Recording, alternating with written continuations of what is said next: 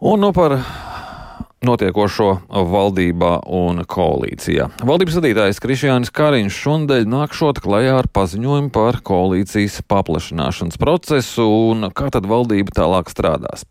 Tā mums vakar sacīja Kariņa partijas biedrs finanšu ministrs Ārvils Ašarādens, bet kā var noprast no premjera sacītā vakar pēc koalīcijas sanāksmes, Politiķi iekļausies citā iepriekš minētajā termiņā, kas ir augusta vidus. Tātad var saprast, ka premjerministrs stieps gumiju vēl nedēļu līdz prezidenta nospraustajam termiņam, proti skaidrībai par valdības darbu būtu jābūt līdz mēneša vidum, tā sacīja prezidents.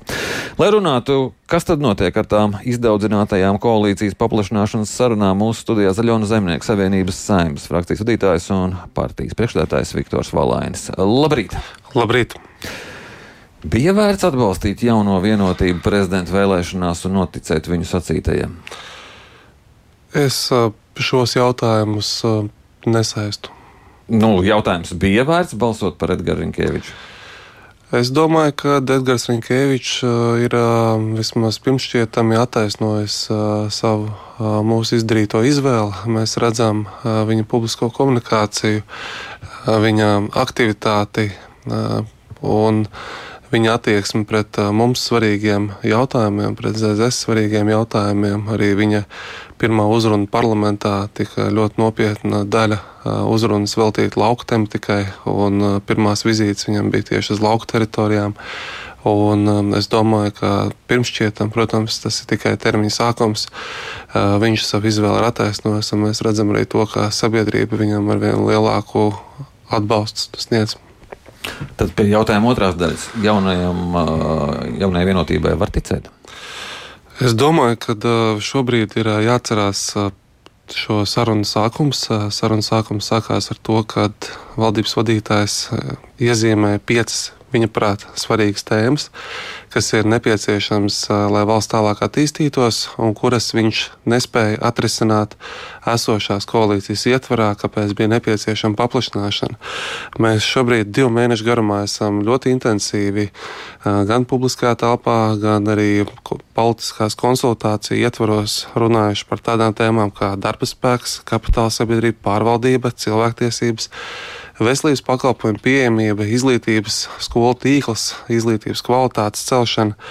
Um, šīs sarunas norisinājās divu mēnešu garumā, un šobrīd ir, um, manuprāt, pienācis likumsakarīgs brīdis, kad uh, arī mēs um, sagaidām šobrīd no valdības vadītāja um, redzējumu par to, kā šie uh, problēma jautājumi uh, tad tiks tālāk risināti. Mēs veltījām ļoti daudz laika un enerģiju, lai par šiem jautājumiem runātu, piedāvātu savus risinājumus, uzlabojumus, meklētu kopsaucējus. Es gribētu teikt, ka visos šajos blokos mēs atradām ļoti daudz kopīga. Un mēs no savas puses redzam, kā viņas varētu risināt. Jautājums šobrīd ir premjera pusē, kādā veidā viņš redz šo lietu tālāk virzību. Nu, te ir svarīgi arī pieminēt, ka visā šajā sarunu procesā par šiem premjerām ļoti svarīgiem jautājumiem nepiedalījās viņa tuvākie partneri, ar kuriem viņš šobrīd, šobrīd kopā veido valdību. Tā kā nu, te ir gana, es domāju, nopietni jautājumi šobrīd. Ļoti augsta politiskās atbildības latiņa ir uzlikta, Un mēs nu, gribam iet ļoti teikt, sistemātiski tālāk. Ko jūs saprotat, sakot, ir uzlikta aug, ļoti augsta politiskā latiņa? Kā, kā nu, to saprast? Nu, saprotiet, šie darbi, kas ir iezīmēti, ja mēs šīs sarunas notika premjeru vadībā, prezentēja ministri, prezentēja šīs problēmas un iezīmēja.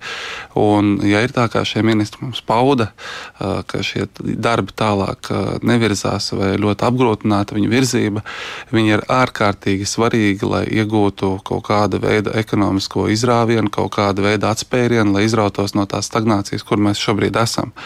Un tāpēc arī mums, kā politiskam spēkam, neatkarīgi no tā, kur mēs esam, mums ļoti svarīgi saprast, nu, kā šie jautājumi tiks tālāk risināti. Un tie ir ļoti nopietni reformu jautājumi, kuriem nu, arī manā ieskatā šobrīd pietrūks politiskā atbalsta saimā. Bet tad kāds ir tas sarunu rezultāts. Sarunas, kuras notika bez apvienotās sarakstu un Nacionālās apvienības.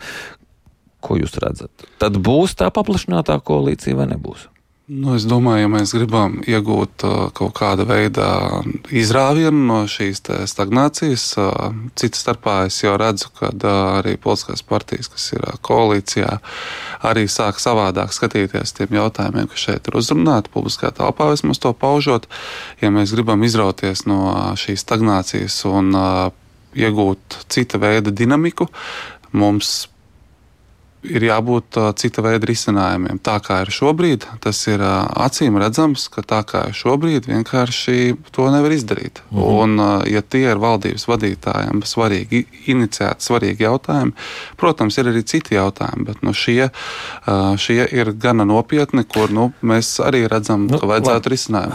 Runā, vaicāšu savādāk. Skaidrs, Rīgā runā, kulāros runā, ka Kariņš neko nemainīs. Īsāk sakot, kā runā tā zaļzemnieku kariņš uzmetīšot. Kāda būs zaļzemnieku rīcība? Nu, nevar uz...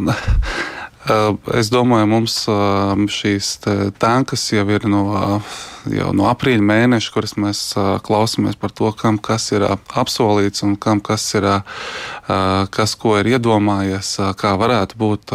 Šeit mūsu ieskatā šie jautājumi ir mazsvarīgāki. Mēs redzam, mūsu politiskie konkurenti savā ziņā vēlās šo sarunu noturēt tikai un vienīgi par un ap valdību, par amatiem. Mēs to no savas puses nevienā brīdī neesam tā uztvēruši, un arī šobrīd to tā neuzturam. Mums bet svarīgi. Nozīmē, bet tas nozīmē, jūsu vārdiem sakot, stagnācija turpinās turpināsies. Ko jūs darīsiet, lai stagnāciju pārtrauktu? Nu, mēs uh, nevaram Nebūs skriet, šīs koalīcijas, bet tāda kā mēs. Pa... Es teiktu, nevajag skriet notikumiem pa priekšu. Uh, mēs redzam, ka uh, bija arī dažādas tankas par to, kas notiks vai kas nenotiksies saistībā ar citiem jautājumiem, kas saimā jau nolemti. Nu, piemēram, jūsu pašu iesāktais jautājums par prezidenta vēlēšanām. Mēs šos jautājumus uztveram absolūti savādāk nekā šo tanku izplatītāju. Tāpēc arī šobrīd šīs sarunas mēs uztveram absolūti savādāk ar pilnīgi citu atbildības latiņu. Mēs tiešām gribam redzēt, neatkarīgi no tā, vai mēs esam pozīcija, opozīcija, kādā veidā šie um, jautājumi, kas ir uzrunāti, kādā veidā viņi varētu tikt risināti. Um, nu, tāpēc mēs arī esam, mēs viņos esam iedevuši ļoti lielu ieguldījumu, piemēram, izglītības uh, jautājumu skatīšanā par to, kas mūsuprāt būtu svarīgie jautājumi, kas būtu jāiekļauj, ja mēs runājam par uh, kartējumu. Mēs redzam to, ka viņi arī šobrīd jau pat valdības darbā ir savā ziņā sadzirdēti. Mēs jau diezgan daudz ko esam panākuši arī attiecībā par veselības te veselības pakalpojumu pieejamību.